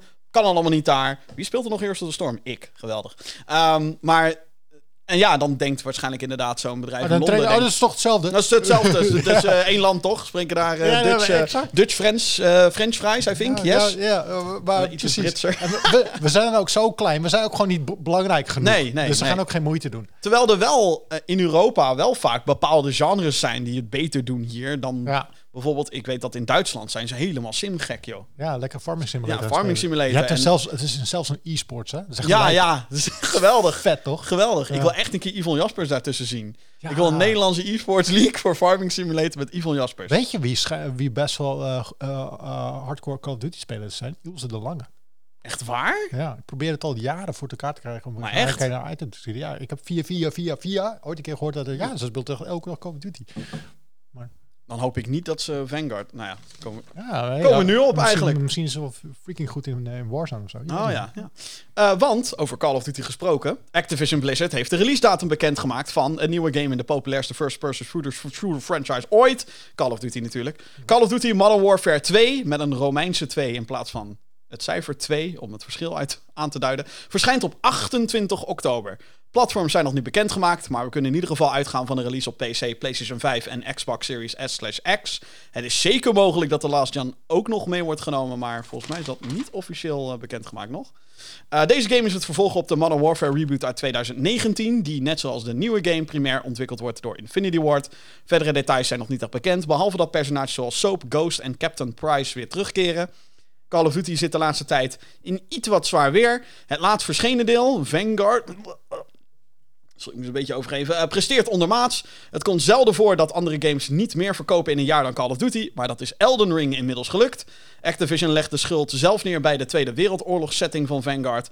Naast Call of Duty Modern Warfare 2 wordt er ook gewerkt aan een vervolg op de Battle Royale titel, eh, titel Call of Duty Warzone. Deze moet naar verwachting in 2023 gaan verschijnen. Deze bom werd even gedropt deze week. Ja. Of althans, bom gedropt. Er werd artwork getoond en we hebben een release datum. Er komt in ieder geval nog een game uit dit jaar. Ja, ja dit najaar. Er Ja. komt een game uit, jongens. Ja. Ja. ja. want Call of Duty 2023, dat gaat hem niet worden. Nee, ze slaan een jaartje dus eh, Jason Open. Schreier van ja, eh nee, maar dat lijkt me ook wel verstandig. Eh, want ehm, ja, qua Call of Duty, elk jaar weer zo'n titel uitbrengen. En Vanguard viel natuurlijk een beetje tegen. Eh, dat, dat was een... dat breng je heel mild. Ja, eh, nou, dat kan, dat kan aan een aantal dingen liggen. Het kan aan de kwaliteit van de game liggen, kan aan de setting liggen. Maar waar we het net al een beetje over hadden, het kan vol- volgens mij is ook een groot deel marketing. Mensen wisten gewoon niet Ook. dat die gamer eh, was. Nou ja, ik denk ook dat... ehm, kijk, Vanguard, ik, ik heb een review gedaan over... Het is een van de weinige reviews die ik binnen een week af had voor Gamer Geeks. Want daar had ik heel veel over te vertellen. Maar kijk, eh, ik denk dat het hele jaarlijkse uitbrengen heeft Call of Duty wel echt genekt de laatste paar jaar. Infinity Ward kreeg gewoon de tijd voor Modern Warfare. Maar daarna werd volgens mij, was het ook al gelekt her en der, dat Sledgehammer eigenlijk het jaar erop had moeten gaan. Dus toen Black Ops Cold War uitkwam, hadden zij, dat, was, dat werd, had Vanguard moeten zijn. Dat ging niet goed. Toen werden Raven en Treyarch er even bij gehaald. Van nou jongens, jullie game komt een jaar eerder. En wonder boven wonder is Black Ops Cold War redelijk. Zeker zombies en uh, de singleplayer mode was wel echt te gek. Mhm. Maar nu merk je toch, ook al hebben ze een jaar extra gekregen, Sledgehammer kan het gewoon niet. Het is, of het is allemaal te druk. En natuurlijk hebben we de pandemie er ook nog eens bovenop Ja, gehad. dat helpt ook niet mee. Het is echt een. eh, die game is echt een drama, joh. Het is echt een. een de campaign is, is, is de meest generieke campagne die je kan krijgen. En dat is na Modern Warfare en Black Ops Cold War dan ineens wel een grote teleurstelling. De zombies mode, nou, dat is. dat is geen content. Gewoon één mapje. Oh, je gaat naar andere stukken van dezelfde multiplayer map. Ja. Schiet maar wat zombies neer. Yay. Het is echt volgens mij ook dood. Ja. Eh, maar de multiplayer ook, joh. Echt, het is, het is een drama. Het is echt een drama. En dan, wat ik, wat ik hilarisch hieraan vind... is dat Activision dan inderdaad de schuld geeft... mensen willen geen Tweede Wereldoorlog game. En dan denk ik... Ik, ik, ik geloof best wel dat een Tweede Wereldoorlog Call of Duty... minder zal verkopen dan een Modern Warfare. Dat geloof ik wel. Of een Black Ops. Maar je kan ook een goede Tweede Wereldoorlog game neerzetten. en dat, Ja, natuurlijk. Als die game bedoel- goed was geweest, als die fantastisch was ik, geweest... ik, dan- ik heb deze week, eh, omdat een, een maat van mij op Discord die zei: hey, het is nu gratis om te spelen. Wat ze trouwens heel veel doen. Ja. Vanguard is heel vaak gratis, de multiplayer. Ja. Wat natuurlijk ook een teken aan, eh, aan de wand is. Ja. Eh, kom, we gaan spelen. En oké, ik ga wel weer meedoen. Wat, wat doe ik mezelf aan? Help. ja. Maar Call of Duty is toch gewoon Warzone nu? Ja, dat blijkt. Nou ja, ik ben best wel fan van de traditionele Call of Duty. Ik, vind, de Modern, ik heb dus ook voor de geheim Modern Warfare 2019 weer opgestart. Het is nog steeds goed. De Ja. multiplayer dan. Ja, maar ik heb een beetje het idee van dat de Call of Duty multiplayer speler... dat die overgestapt is op Warzone. Ja, En dat ze gewoon dat ze die speler een beetje kwijt zijn geraakt. En misschien dat ze ook een beetje las- langzaam af moeten stappen van, ja. van die singleplayer. Nou, ik denk ook. Nou, ik, nee, ik denk niet dat je de singleplayer weg moet halen. Ik denk dat daar nog genoeg potentie in zit. Ik weet het niet. Ik weet het Hmm. niet. Ik, ik, ben, ik, ben, ik ben- Misschien ben ik heel ouderwets wat dat betreft. Ja, ik denk, ben dat ze een beetje gaan overstappen. Gewoon, eh weet je, Warzone 2 komt er nu aan. En dat wordt ongetwijfeld hun kom- komende vijf jaren plan. Tot ze weer over gaan stappen op een Warzone 3. En eh, nou ja, volgend jaar gaan ze al een Call of Duty'tje overslaan. Ik denk dat ze gewoon gaan kijken van... Hé, hey, wat gaat dit doen? Ja, En hoe kunnen we vooral zoveel mogelijk Warzone supporten? En vergeet ook Call of Duty Mobile niet. nee, dat gaat als een tierenlier. hè? Die game is huge. Oh, en er komt God. ook nog een mobiele versie aan van Warzone. Mm. Dus Ja. moeten ze nog wel? Dat is ook een beetje de vraag. Ik hoop van wel. Ja, ik vind Call of Duty nog steeds leuk om tuurlijk. te Ik vind het ook tof. Eh, Je kijkt, eh, wij kijken er ook wij op, op onze redactie kijken we ook altijd wel uit naar de nieuwe Call of Duty. Eh 8 juni worden waarschijnlijk, waarschijnlijk eh, 100% Ja, de, de, eerste beelden getoond van, van die game. En dan ben ik gewoon nieuwsgierig. Ik kijk daarnaar uit. Ja. Ik ben benieuwd en ik wil dat gaan spelen. Er is natuurlijk een reden waarom het elk jaar nog steeds de best verkochte... Nou, nu Vanguard dus niet. Ja. Lang leven Elden Ring. Zelf nog niet gespeeld, maar...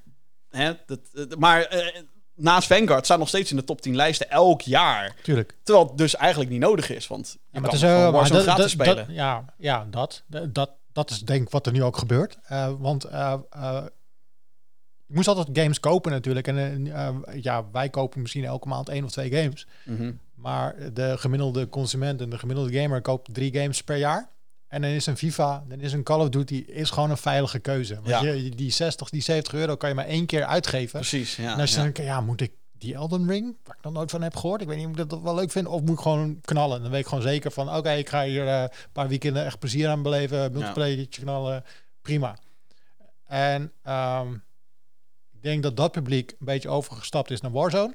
Ik merk het hier ook. We zitten hier niet alleen met de gamingpartij, maar ook met eh, wat eh, kieskeurig, eh, Zoom, eh, computerblaadjes en dat soort dingen. En de- die spelen ook videogames, maar niet zo als wij dat doen, maar echt de Call of Duty's, de FIFA's en dat Ja, soort dingen. precies, helemaal ja. prima, helemaal top. Ik vind blij dat, blij dat ze het allemaal doen. Uh, maar die zijn allemaal overgestapt op Warzone ook. Die kopen niet meer die nieuwe Call of Duty. Die zijn Oh, gewoon lekker oké. Warzone aan spelen Ja. met de vrienden ook. Ja, aan de ene kant, ja, dat is, dat is altijd een beetje het risico natuurlijk geweest van Activision zelf. Zo van, hey, je brengt iets uit wat gratis is en wat de Call of Duty naam draagt. Ja. Dus dan heeft dat denk ik inderdaad natuurlijk als gevolg. Ja, maar ze, ze, ze, ze vullen hun zakken wel hoor met die Battle Passes en dat Ja, ja, zeker. Ja, ja. En straks gaat dat natuurlijk ook weer een wending krijgen als Xbox het eenmaal volledig in handen heeft. Of althans, Activision Blizzard volledig in handen heeft. Ja. En dat eh, Call of Duty elk jaar naar Game Pass komt. Wat Ja, maar dat is denk ik wel goed.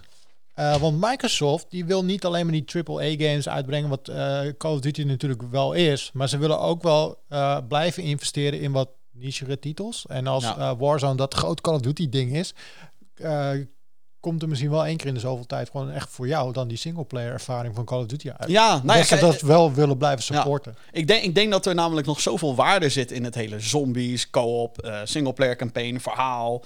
Het, is, het blijft, Call of Duty blijft. En dat vind ik ook interessant aan het hele, het hele merk Call of Duty.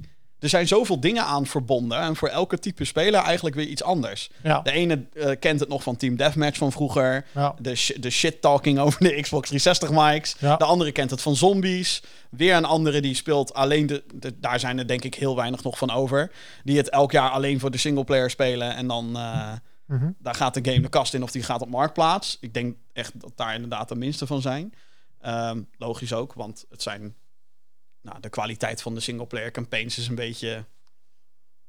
Dat, Ja. gaat, dat gaat op en neer. Ja, het is gewoon een achtbaantje. Hè? Ja. Weet je, het is eh, elke dag sushi eten is ook niet lekker. Af en toe frikandel speciaal wel. En Ja. dat is die frikandel spe- speciaal, die Ja. single player van Call of Duty. Ja. Maar goed, ja, eh, wie, weet, wie weet wat er allemaal gaat. Ik, ik, ik heb in ieder geval, dat, dat wilde ik wel zeggen, ondanks dat ik Vanguard echt tot de kern.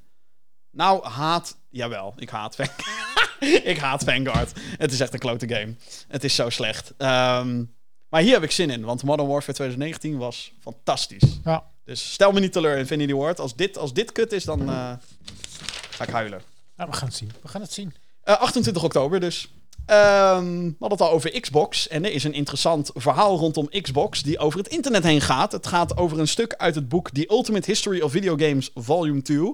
Waarin een interview zit met de toenmalig Vice President of Games bij Marvel. En wat is toenmalig? Nou, rond 2014, toen was Marvel de kwaliteit van Activision's Spider-Man games zat. De games werden jaarlijks uitgebracht en kregen vaak middelmatige tot slechte recensies. Marvel ging daarom op zoek naar andere partners voor exclusiviteitsdeals en overwoog om zowel met Xbox als met PlayStation in zee te gaan. Nintendo werd eerst ook overwogen, maar werd al snel buitengesloten, want hey, Nintendo is toch heel erg eigen IP. Maar nu blijkt dat ook Xbox de deal afsloeg, omdat het zich toen wilde richten op eigen IP's. Zoals Halo, Gears of War, Forza, Quantum Break en Sunset Overdrive, wat toen natuurlijk nog een ding was. Dit leidde ertoe dat PlayStation vrij baan kreeg om Spider-Man te maken, ontwikkeld door Insomniac Games die in 2018 verscheen. De game werd een gigantisch succes en leidde tot de quasi-sequel Spider-Man Miles Morales en de overname van Insomniac door PlayStation. Althans, dit was de druppel die de emmer deed overlopen. Eh, Insomniac Games heeft nu twee grote Marvel-titels in ontwikkeling, namelijk Spider-Man 2 en Wolverine. Dit bleek wederom een gigantische inschattingsfout te zijn van Microsoft gedurende de Xbox One-generatie. De geruchten gaan de afgelopen paar weken rond dat Xbox werkt aan een exclusieve action-RPG-game gebaseerd op Star Wars-factie The Mandalorians. Deze zou in ontwikkeling zijn bij Elder Scrolls Studio ZeniMax. Op 12 juni houdt Xbox zijn grote showcase. En dit zou dan volgens hè, de ogen van het internet een soort revenge story zijn van... wij gaan ook een keertje deals maken, verdomme. En er komt natuurlijk ook een Indiana Jones game aan Ja. van Machine Games. Maar die gaat misschien nog multiplatform. Want die, die werd aangekondigd voordat Bethesda werd overgekocht. Dus ik weet niet hoe de contracten daar zitten. Ja, hoe zou dat zijn gelopen, Martin? Als Xbox Spider-Man had. Wel of niet geontwikkeld door Insomniac, want die was toen nog eh, een onafhankelijke studio. Ja, weet je, Insomniac heeft er natuurlijk wel echt een succes van gemaakt. Dus gewoon, eh, die game is zo fantastisch do- door die studio. En het eh, Spider-Man is wel echt, voor mij, wel echt een PlayStation-icoon geworden nu ook. Ja. Als ik aan, vooral aan PlayStation 5 denk, Dat hebben ze zo aan- aan- goed gedaan, hè? denk ik zo goed game. gedaan. Ja. Ehm, het is wel bizar, hè? Dat je gewoon nee daartegen zegt. Tegen zo'n... Want Marvel was in die tijd al echt hot. Natuurlijk, had die Avengers waren... Ja, de Avengers waren er al. Het is niet alsof dit waren- die- pre-Iron Man was of zo. Nee, die waren echt gewoon top of hun game, toch? Ja. eh, Avengers toen. Eh, dus ik vind het een beetje gek. Dit is natuurlijk waarschijnlijk ook rond eh, de periode dat sowieso Marvel, denk ik, veel ging lobbyen met ook Aven- de Avengers-naam. Ja. Kwam uiteindelijk bij Square Enix terecht natuurlijk. Maar was dat niet die tijd dat Xbox ook nog niet zo aan het investeren was? En dat, volgens mij waren Ze toen... hadden inderdaad toen nog geen... Ze hadden niet die gigantische streak van studio-overnames. Nee, en volgens mij waren we toen nog in podcasts en video's aan het zeggen van ja, eh, moeten we niet oppassen dat eh, Xbox, Microsoft straks de stekker uit Xbox trekt? Was dat ook niet die periode? Nou, dit is inderdaad Don Metric nog, die president die, eh, die in interviews zei... Oh, als je geen internetverbinding hebt, dan haal je toch een Xbox 360. Ja. en dus volgens, mij is, eh, eh, volgens mij was het allemaal een beetje in die periode. Ja. En was het daarna het wel is een hele andere Xbox dan nu. ja, echt een, eh, echt een cultuur Shift. shift daar geweest. En nou, Phil ze, Spencer natuurlijk, ja, onze en- grote vriend. En ik denk als, als ze misschien een, een jaartje later waren aangekomen, of misschien twee jaartjes later, dat ze dan er wel voor waren gegaan, omdat ze natuurlijk toen al een beetje zicht hadden op Game Pass, wat ze daarmee gingen gaan Ja, doen. ja, dat was het plan. Of althans, dat is het plan. Nog Ja. steeds Game Pass. Dus eh, ik denk dat ze zich nu al voor hun hoofd slaan. Maar Ik denk, ik denk, ik, ik, zou me zo willen, ik zou zo willen weten hoeveel Spencer dan... Want volgens mij leest die guy wel gewoon het internet. Volgens mij is hij best wel dat betrokken. denk, dat denk ik wel. En Ja. dat hij dan dit leest en dat hij denkt... "Mm, waarom was ik toen al niet head of Xbox? Ja, Oh man. ach ja. Nou, da- daarna ging het... Ik bedoel, tegenwoordig gaat het natuurlijk... eh, Maar er zijn ook niet geruchten dat ze nu wel weer juist met een Marvel game bezig zijn. volgens mij was dat ook inderdaad onderdeel van de geruchten, het, het geruchtencircuit. Maar wat kunnen ze dan maken, vraag ik me af. Nou ja, we hadden hier, eh, we, we doen ook een eigen podcastje. Pauw Praat vind je hier ook Abonneren op eh, Spotify en, eh, op het eh, podcastplatform vind je Zeker. wel. Eh, de- we hadden het er toevallig over. En eh, Jacco zei daar, ehm, die zeiden dat ze, eh, die, die geloven wel in een Doctor Strange game. Oh, dat is zo. een beetje toch de nieuwe Tony Stark, die Doctor Ja. Strange. Zo. En eh, die eh, zal nog wel een paar jaar meegaan. Eh, ik heb zoiets van, is het wel een interessant, platform, inter- interessant personage? Maar ja, het personage is nog ineens zo belangrijk misschien. Vooral het gameplay natuurlijk. En ze kunnen nog wel vette dingen mee maken. Vraag me vooral wat voor type game je dan gaat maken. Want je kan daar echt alle kanten mee op. Ja, Omdat zijn powers zijn best vaag ja natuurlijk. daarom. Terwijl met Spider-Man is het heel duidelijk. Hij kan slingeren, dus je moet een open world hebben waarbij Ja. je rond gaat slingeren. Eh, Wolverine, ja, dat moet, wordt gewoon een melee combat game natuurlijk, want het is Wolverine. Dus ehm, ja, heel interessant. Wat voor Marvel andere... Ik zou toch ook nog wel... Ik weet dat er een Iron Man VR is geweest natuurlijk. Maar een echte big budget Iron Man game zou ook nog wel echt te gek zijn. Ja, Of een goede Avengers game. of gewoon, nou ja, laat ik het zo zeggen. Crystal Dynamics die gewoon singleplayer Avengers mocht maken. Dat ja die singleplayer was leuk. Ja, ik vond het een beetje saai. Maar dat, Ja, ik, ik, snap, wel waar mensen... Je merkte wel dat daar de liefde en de ziel in Ja. zat. In de, in de storyline en zo. ik vond- ik vond het op zich wel dope. Het was niet fantastisch inderdaad, maar, ja, maar wat, welk personage moeten ze dan nemen inderdaad? Eh goeie vraag. Ik vond de Guardians of the Galaxy game trouwens ook wel eh, tof. Maar nee, die is van de combat gedaan. vond ik echt... Ah, nee, de combat was shit. Maar de, de, de storyline en zo... Ik denk dat die game echt wel heel belangrijk is voor... Kijk, we kunnen ook gewoon een heel vet verhaal vertellen... die, Ja. die buiten de film staat. Ja. Het is wel jammer dat ze inderdaad eh, de gameplay niet iets strakker... eh, iets veel strakker wisten te maken en overzichtelijker.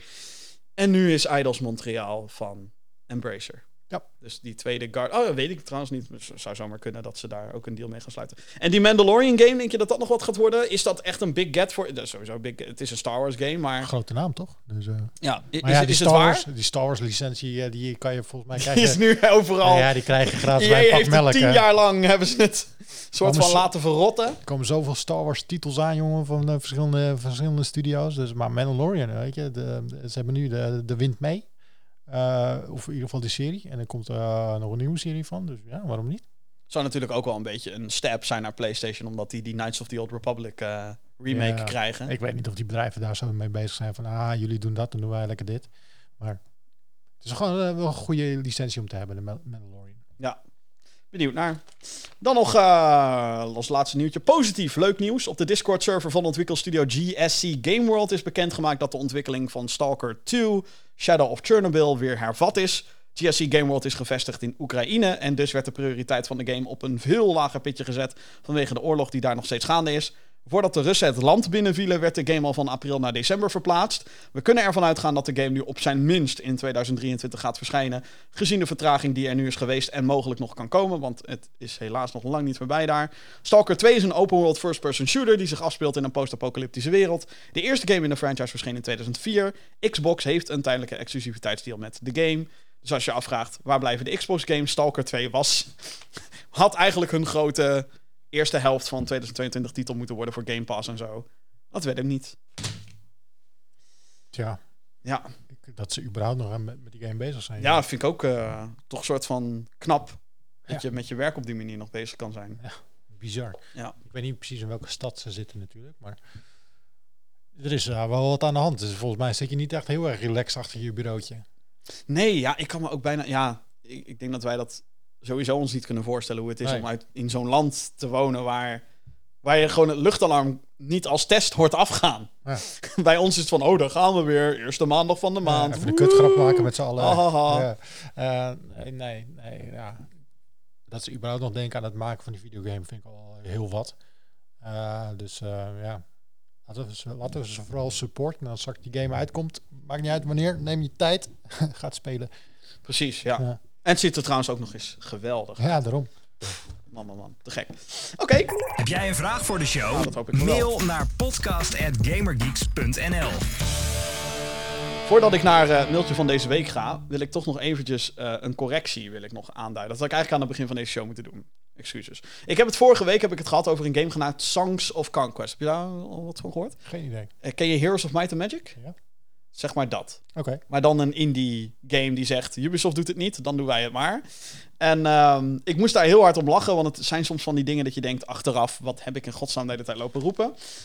dat zal ik zo- meteen in de auto ongetwijfeld ook allemaal roepen. Of eh, denken over mezelf. Maar ehm, daar zijn dus van die hero characters die een leger aanvoeren en zo. Het is, geweldig, het is echt geweldig. Als je fan bent van Heroes of Might and Magic, zoek het zo meteen op zijn minst even op. Songs of Conquest. Ehm, en ik heb daar de... Dus het personage wat je in feite bestuurt, heb ik daar de hele tijd welders zitten noemen. Ja. De vorige aflevering. Het zijn wielders. Dat is het. Welders zijn lassers. En toen Oh, dacht ik, ja. ja. dat is inderdaad wat anders dan wielders, de vlaggendragers. Dat Maar is waar dat die het is. Ja? Ja, nee, ik moest daar heel we hadden dus laatst wij hadden een preview video gemaakt over de Formule 1 game die eraan zit te komen. Hartstikke tof. Eh, hoe, hoe wij onze video's maken. Eh, we hebben een redacteur die gaat die game spelen. Die schrijft er een tekst over. Mhm. Ja. En die redacteur die die game speelt, die is gewoon in dit geval, die, is, die speelt Formule 1 games, die speelt race games, die volgt Formule 1. Je kent alles, ja. Die kent er altijd. Die schrijft ze een review, post op de website. Maar daar maken we ook een versie van op YouTube. Want de mensen die bij ons op de website komen, zitten niet bij ons op YouTube. En die mensen die op YouTube zitten, komen Heb je wel, heb je wel combi mensen? Ja, eh, jij bent er eentje dan van, denk ik. Wat, toch? Sorry, wat zei je? Dat je combi mensen hebt die zo. Ja, ja, ja, dat, dat- dat heb je wel. Maar Ja. eh, ik- ben me ook van bewust. Dus. We hebben niet altijd mensen die elke dag op die website zitten. Dus als je de preview niet hebt gelezen, dan kan je altijd nog de video kan je terugkijken. Dat staat ook bij ons op de site. Anyway, ehm, die heeft dus de, de ar- artikel geschreven. Daar maken we dan een voice-over van. Zodat onze voice-over die kan inspreken. Jij hebt ook een keer een, video van Ja, klopt, ja, ja, ja. Kijk, dan, dan, dan krijg je gewoon tekst. Die spreek je in. Ja, Dat, is- zo werkt een voice-over. Eh, alleen onze voice-over met die Formule, eh, over die Formule 1 eh, game, die, die, die kijkt geen Formule 1. Die had geen idee. En die was gewoon gaan, gaan, gaan, gaan inspreken. En die was ook niet zo van, ah, misschien moet ik even checken bij die gasten hoe we dit uitspreken. Maar die heeft dus bijna echt elke teamnaam heeft hij verkeerd uitgesproken. Oh, al, die, al die coureurs hebben Latifi heet Lafiti en da- dat soort dingen. dus, dus ja, daar kwam commentaar op. Ja. Want want eh, de, de persoon die de video nakeek, die volgt ook geen eh, nee, ja dat, Formule ja, 1. dat heb je inderdaad. Dus ja. ja, ja en, eh, vorige week was ik zelf ook weg, dus ik kon hem zelf ook niet checken, die video. Dus die was zo online gekomen. En daar vielen heel veel mensen over. En dat snap ik helemaal. Dus als dit jouw fout was, ja, nee, ik moest er zelf gewoon heel erg om lachen. Dat ik vol, Oh, oké. vol passie zit ik te vertellen. Oh, Heroes of Might and Magic, het is geweldig. En ik heb deze game gespeeld. Het is fantastisch. Ik ga je er alles over vertellen. Welders, welders, welders. Ah, ja. Ah, ja, mensen maken foutjes. Ik heb, ik, ik heb ook een keer, eh, daar, daar heb ik toen ook eh, wel best wel wat shit over gehad. Toen dacht ik, serieus? Eh, Bloodborne, dit is echt heel lang geleden, dan merk je Mhm. het. Ehm, die, die stad waar je in ronddwaalt heet Yarnum. Ik Ja. zei de hele tijd, for whatever reason, ik weet niet eens waarom, Yarnaham. Ik heb geen idee. Eh, whatever, man. Maar daar, er zijn allemaal mensen, maken allemaal eens een weet- foutje. ik weet wel mensen, ik weet wel dat sommigen daar echt heel erg... Dat waren volgens mij die, die Souls-like diehards. Die dachten, hoe durf je onze stad verkeerd uit te Precies. spreken? Heel boos op het toetsenbord ja, ja. typen. Nee hoor, eh, laat vooral je commentaar achter. Podcast Ja, wel leuk. We lezen alles. Ja, ik heb, ik heb jou ook al een keer Maarten genoemd vandaag. Dus, dat maakt eh, allemaal niet uit, eh, even kijken. Ehm, dan daadwerkelijk de mail van deze week. Eh, beste Jim en eventuele medegeek. Nou, en wat voor eentje. Eh, ik heb een review gekeken van Assassin's Creed Valhalla. Nou, niet die van mij, want 100 uur erin gestoken, nog steeds niet uitgespeeld. Eh, het leek mij best een leuke game. Daarna kwam ik erachter dat het science fiction verhaal van de laatste drie Assassin's Creed games met elkaar te maken hebben.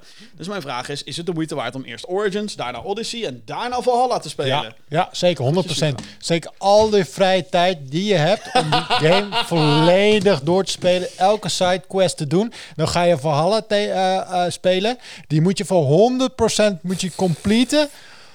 Maar, oké, verhaaltje, storytime. Uh, we hadden twee jaar geleden, deden wij, uh, we doen elk jaar doen we de grote Sinterklaas stream. En uh, dat is te gek, ja. Dat is gek, geef de hele dag geen cadeautjes weg. En dan zijn we geld aan het inzamelen voor een goed doel. Altijd heel leuk. En we nodigen er altijd gasten uit. En Danny Vroger kwam bij ons langs. super guy.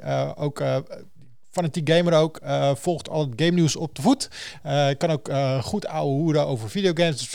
Dus zoek je nog een keer een gast. Oh, nou, dan ga ik hem zeker een keertje... Moet je sturen hem een bericht. Hij doet 100% met je mee, want, want, hij vindt het fantastisch. maar hij zat dus dik 120 uur in Assassin's Creed Valhalla. Hij had hem bijna op 100%. Oh jee. maar hij ging een grot in of zo. hij moest een wolf doodmaken. Alleen hij kon niet bij die wolf komen.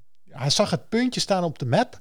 Alleen het was een bug in de game. Hij kon Oh, niet bij die nee. wolf komen om te vermoorden. Dus om die hele game te completen, dat lukte hem gewoon niet. En hij had echt 120 uur in die game gepropt.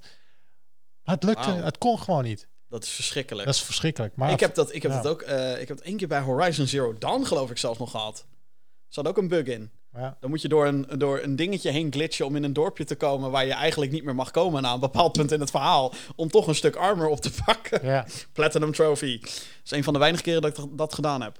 Nee, ehm, even kijken. De, oh, het science fiction hebben, we, verhaal. hebben we antwoord gegeven? Nee, eigenlijk nog niet. Maar het science fiction verhaal. Oh ja. Ehm, kijk, ik ben een van de weinigen die vindt het science fiction verhaal van Assassin's Creed. Met name de eerste vijf. Dan Ja? heb ik het over 1, 2, Brotherhood. Vind je dat dope? Ja, vind ik echt tof. Oké. Omdat het een soort rode draad is die... Ja, het is wel, in- ik vind het wel interessant of zo. En dat, dat hele absurgo met memories. En, oh, we gaan allemaal dingen doen. Mhm. Eh, en dat het allemaal soort van aan elkaar gelinkt is, maar ook weer niet. En het mooie ervan is, zeker in de modernere games, dat je het gewoon helemaal kan skippen. Ja. Dan zeggen, dag, ik wil alleen maar naar ouderwetse. Oké, prima. Ehm, het klopt inderdaad wat je zegt. In Origins wordt er een nieuw personage geïntroduceerd die dan de Animus ingaat. Dus de, teruggaat naar de oude tijd. En die, die volg je nu met eh, gedurende deze drie games in ieder geval. Ehm, ik weet alleen nog niet hoe Valhalla eindigt, dus ik weet niet. Ik heb. Ik heb Ja, niemand weet dat, want niemand kan het einde halen door die wolf. Ja, nee, ik heb er serieus ook al 100 uur in gezeten. Ah, dat is niet meer. Ik ben iemand wel hoor. ik ben iemand die ehm, ja, echt elk jaar een poging doet om Assassin's Creed te reviewen. Bij Valhalla is het me gewoon nog niet gelukt. Die game is zo groot, jongen. Het is zo, het is te groot. Ja. Het is huge. Ja. Ik moet nog drie continenten, drie provincies of zo moet ik nog. Ja. En inderdaad, ik ben zo'n Je gaat alles doen. ja, ik ben zo'n idioot. die- Oh, je hebt een balkje met mysteries. Met daarin 15 vlakjes. En moet ik daarom drie vierkante kilometer rondrijden? Geen probleem, doe ik. Wat heb je er uiteindelijk aan? Niks. Maakt niet uit. Maar dat is een beetje de beleving van Assassin's Creed. En dan inmiddels zijn er twee DLC-pakketten. Yep. En die Dawn of Ragnarok expansion. Dus eh ben we er klaar mee? Nog lang niet. Nog lange na niet. En, Nou, eh, Ubisoft volgens mij ook nog niet, man. nee, ja, ik ben heel benieuwd wat ze ermee gaan doen. Met eh Valhalla bedoel je zo? Ja. Volgens mij eh, gaan ze er wel lekker op. Ze zijn er heel blij mee. Heeft dat Dawn of Ragnarok het goed gedaan? Want weet ik niet, maar die ik titel- weet dat op Utrecht Centraal was het eventjes een dagje Assassin's Creed. Maar daarna heb ik Ja, letterlijk niemand er meer over gehoord. ijssculptuur, inderdaad, ja. Nee, maar eh, de Assassin's Creed Valhalla schijnt het voor Ubisoft echt fantastisch te doen. Eh, en ze zijn best wel van de, van de service de laatste tijd. Eh, Ja. De games die ze uitbrengen. Ik neem een Rainbow Six, eh, die blijven ze servicen. Ze hebben Roller Champions, komt vandaag uit. Dus dat is ook wel een tijdje gaan pushen. Ehm, Ghost Recon hebben ze natuurlijk een tijdje geprobeerd te pushen. Lukt ook niet helemaal. NFT's geprobeerd te pushen. Ja. Lukte ook niet helemaal. Uh, maar Assassin's, Gelukkig. Assassin's Creed gaat best aardig. Dus als Ja. ze die, die gamer engaged kunnen houden en proberen nieuwe gamers aan te trekken, dan zie ik ze nog wel nieuwe dingetjes gaan doen. Want, Want er ik komt, zie toch, er komt toch ook een volledig live service met Ja. de werknaam Infinity of zo, had Ja. hij geloof ik. ja, Die komt er ook aan. Ik weet, ik weet niet of ik er blij mee ben eigenlijk. Maar dat is echt weer ouderwetse man met de wandelstok hier die... Eh, ik speelde vroeger Assassin's Creed 2 en Mhm. die is fantastisch. En die had geen microtransacties. En die had geen... Oh wel, het had wel vage DLC waarin een paar chapters... Die werden eruit gehaald en die werden als DLC gereleased. Like, what the fuck was dat? ja. Ehm, maar ja, ik, ik mis eh, vooral in de... Kijk, het, mm, het is zo lastig met dit soort franchises. Want aan de ene kant wil je heel erg meegaan in het... Oh, mensen vinden dit tof en het slaat een nieuwe richting in. Dus Assassin's Creed is best wel sinds Origins echt een action RPG geworden. Ja. Waar je toevallig ook stealth kan doen, als je daarvoor kiest. Ehm, en nu, eh, zeker met Valhalla, stealth is gewoon niks meer waard. Het, het- waarom zou je ooit stealth gaan doen? Er is letterlijk geen reden. Zie jij een viking stiekem doen? Nee, natuurlijk niet. Dat is onzin. Misschien wel, maar zien we het gewoon niet. Ja, of de geschiedenisboeken hadden het verkeerd. En Assassin's Creed heeft gezien. het goed. Ja. De Discovery Tour, ga maar. Ja. Maar ehm, ja, nee, ik, ik, ik, ik zou zo graag weer willen dat dat hele... eh, want dat vond ik zo gaaf aan de oudere, nogmaals, Guy met de wandelstok. Eh, de oudere games, dat je zo'n locatie binnenging en je moest dan één gast moest je neerhalen. Ja. Je kan ervoor kiezen om bewakers neer te halen, hoeft niet. En dan kijk, oké, wat voor looproute heeft hij? Oké, en dan ga ik in deze, dit hooibergje ga ik verstoppen. En dan roep ik een van mijn matties. En die, die haalt die bewaker neer. En dan doe ik daar een afleiding. En dan, huh, wat gebeurt daar? Tweede bewaker weg. En dan haal ik hem neer. En dan ga ik weg. Heb je niet meer. Heb je niet meer. Nee. Bestaat niet meer. Jammer. De oude Assassin's Creed weer opnieuw spelen. Helaas. komen vast wel weer remasters van op een gegeven moment. Ja, nou ja, eh, twee, drie is al geremasterd. Dus vier zou nu aan de beurt zijn. Unity misschien. There you go. Maar ja, die heb ik al gespeeld. Ja. ja. Damn you, Ubisoft. Ja. Maar goed, Splinter Cell komt weer terug, dus in dat opzicht. Maar wanneer dat gaat gebeuren, geen idee. Oké, dat was hem eigenlijk. Wel zo'n beetje. Eh, de 192e aflevering van de Gaming Geeks podcast. Martin, wel leuk dat je erbij was. Of dat ik hier ben, Ja. eigenlijk. Leuk dat je hier was. man. Ja, heel erg tof. Eh, wil je abonneren op deze show, dan kan dat natuurlijk via je favoriete podcastdienst. Eh, denk aan een Apple Podcast of een Spotify. Ehm, ja, dan krijg je zo snel mogelijk. Die nieuwe show krijg je dan binnen zo, zodra die er is. Ehm, Jim, heb je nog een eh, hele vette gast op de planning staan? Jazeker. Ik ga volgende week afreizen naar het prachtige Rotterdam. Ik ga naar Total Mayhem Games om eens te praten met de mensen achter Oh, We wat Were tof. Here Forever. Ja. Een leuke Ehm, studio is dat, man. Hele toffe studio. Ja, ja, ik heb daar wel een eh, disclosure. Ik heb daar eh, ooit vroeger voor gewerkt, soort van. Ik werkte bij het marketingbedrijf die de marketing deed voor We Weer. Maar goed, dat hoor je allemaal volgende week wel. Ehm, een videoversie. Ik heb even jouw hulp nodig, voordat je hem afsluit. ja, ik heb een vraag aan jou. Je hebt een vraag aan mij. Eh, Abandoned, die game. Abandoned. Oh god. Voor de PlayStation. Oh, daar gaan we. Ja, met Hassan. Ja, Ik heb contact met die guy. ja. Ik heb hem uitgenodigd voor onze podcast. Oh, nee. praten. Hij zegt, ja, gaan we doen. Ik zeg, oké, dope. Voor- Even, even voor de context. Dus er is, een, er is een project, Abandoned. Dat werd aangekondigd van, dit wordt next-gen shit. Er is nu een PlayStation app. Het is geen game, het is een app waarin je trailers kan bekijken. Eén trailer. Eén oh, één trailer. Oh ja, er zouden was- meerdere. ja, is nu één trailer van een guy die volgens mij langsloopt of zo. Ja. En er werd heel lang waren er rumors van dit zou wel eens Hideo Kojima kunnen zijn, want dit heeft allemaal vage shit. En hij ging dingen tweeten over die te maken hadden met Metal Gear en waardoor iedereen dacht. eh, En Hassan schijnt te vertalen naar Hideo, of zijn naam schijnt, als je dat in Google Translate, schijnt te vertalen naar Hideo Kojima in het Japans. Pff, Mindblowing shit overal. En die, daar heb jij contact mee? Nou ja, we, Of althans, daar Ja, komt een interview dit- van. Nou, wij, wij negeren eh, al het nieuws wat over die game naar buiten komt. We negeren het gewoon een beetje Ja. nu. Want het, is, het lijkt op een scam. Hij heeft ook een aantal interviews gehad. Ik heb toevallig ook een interview met hem gehoord, gezien met eh Callum Moriarty van eh Sacred Symbols. Een van mijn favoriete gaming podcast, tip. Ja, wel heel lang, maar wel heel leuk. hij geeft daar geen antwoord op vragen. Hij geeft daar goed... Nee, inderdaad. Nee. Nee, die gast die vraagt iets van drie keer van de interviewer in kwestie. Die vraagt dus van, waar komt eigenlijk het geld vandaan van deze game? En Ja. Gaat hij ineens over het verhaal, de hele lore, de achtergrondlore, gaat hij ineens praten. Maar ik heb dus eh, contact met die guy eh, via via. Eh, maar nu dus direct. Hij heeft toegezegd. We mag ook langskomen in de studio om daar Oh. te gaan kijken. Ja. Maar ik heb zoiets van, moet ik het nou gewoon... Oké, het is gewoon een, een guy die gewoon dingen roept. Die zegt dat hij die game aan het maken. Maar hij, doet, hij doet gewoon... Moet gewoon die guy gewoon neer... Moet, moet ik hem een platform geven? Maar ik vind het wel interessant. Ik wil hem wel uithoren. Maar ik ben een beetje bang dat hij weer overal omheen gaat fietsen. En er geen antwoord gaat geven. Dat is natuurlijk wel zijn verweer een beetje, ja. Ja. Maar je vraagt nu eigenlijk om advies. Van, moet ik dit doen? ja, Ja, ja. dat is wel interessant, toch? Ja. Ik, ik vind het wel, sowieso wel interessant om die guy gewoon een keer recht in zijn ogen aan te kijken. Ja. En gewoon dingen te vragen. Nou, kijk, dat hoe is... hij dat meemaakt. dat- dat is- Altijd, altijd, al- alles wat er nu rondgaat over, die, over zijn titel. Ik, ik, ik vraag me gewoon sowieso af, hoe haal je het in je hoofd om zelf de connecties te maken op social media naar Kojima, wetende dat het niet zo is? Ja. Waarom doe je dat? Ja, dat is wel interessant, Ja. toch? Nee, het is super interessant. Gewoon, gewoon doen, toch? Ja, nee, ik zeg gewoon doen. Ja. Right. Nou, sluit hem af. Nou, Eh, dit was hem, de 192e aflevering van de Gaming Geeks podcast. Martin kan je natuurlijk checken via Power Unlimited en via gamer.nl. Check ook de podcast Power Praat, waar hij regelmatig in te horen is. En waarin ook Om de eh, week, ja. Om de week. We, hebben, de twee, week. we hebben twee teams. twee teams. Oh, een A en een B-cast. Nee, de, de, de dark side en de light side. Oh, oh oké. Ja, ik weet niet welke kant ik ben. Als je koekjes hebt, dan eh kan to the dark side. Ja. Eh, bedankt Martin dat je erbij was. Dit was de 192e aflevering eh, van de podcast. Oh ja, videoversie natuurlijk te checken via youtube.com slash gaminggeeksnl. Bedankt en tot de volgende keer.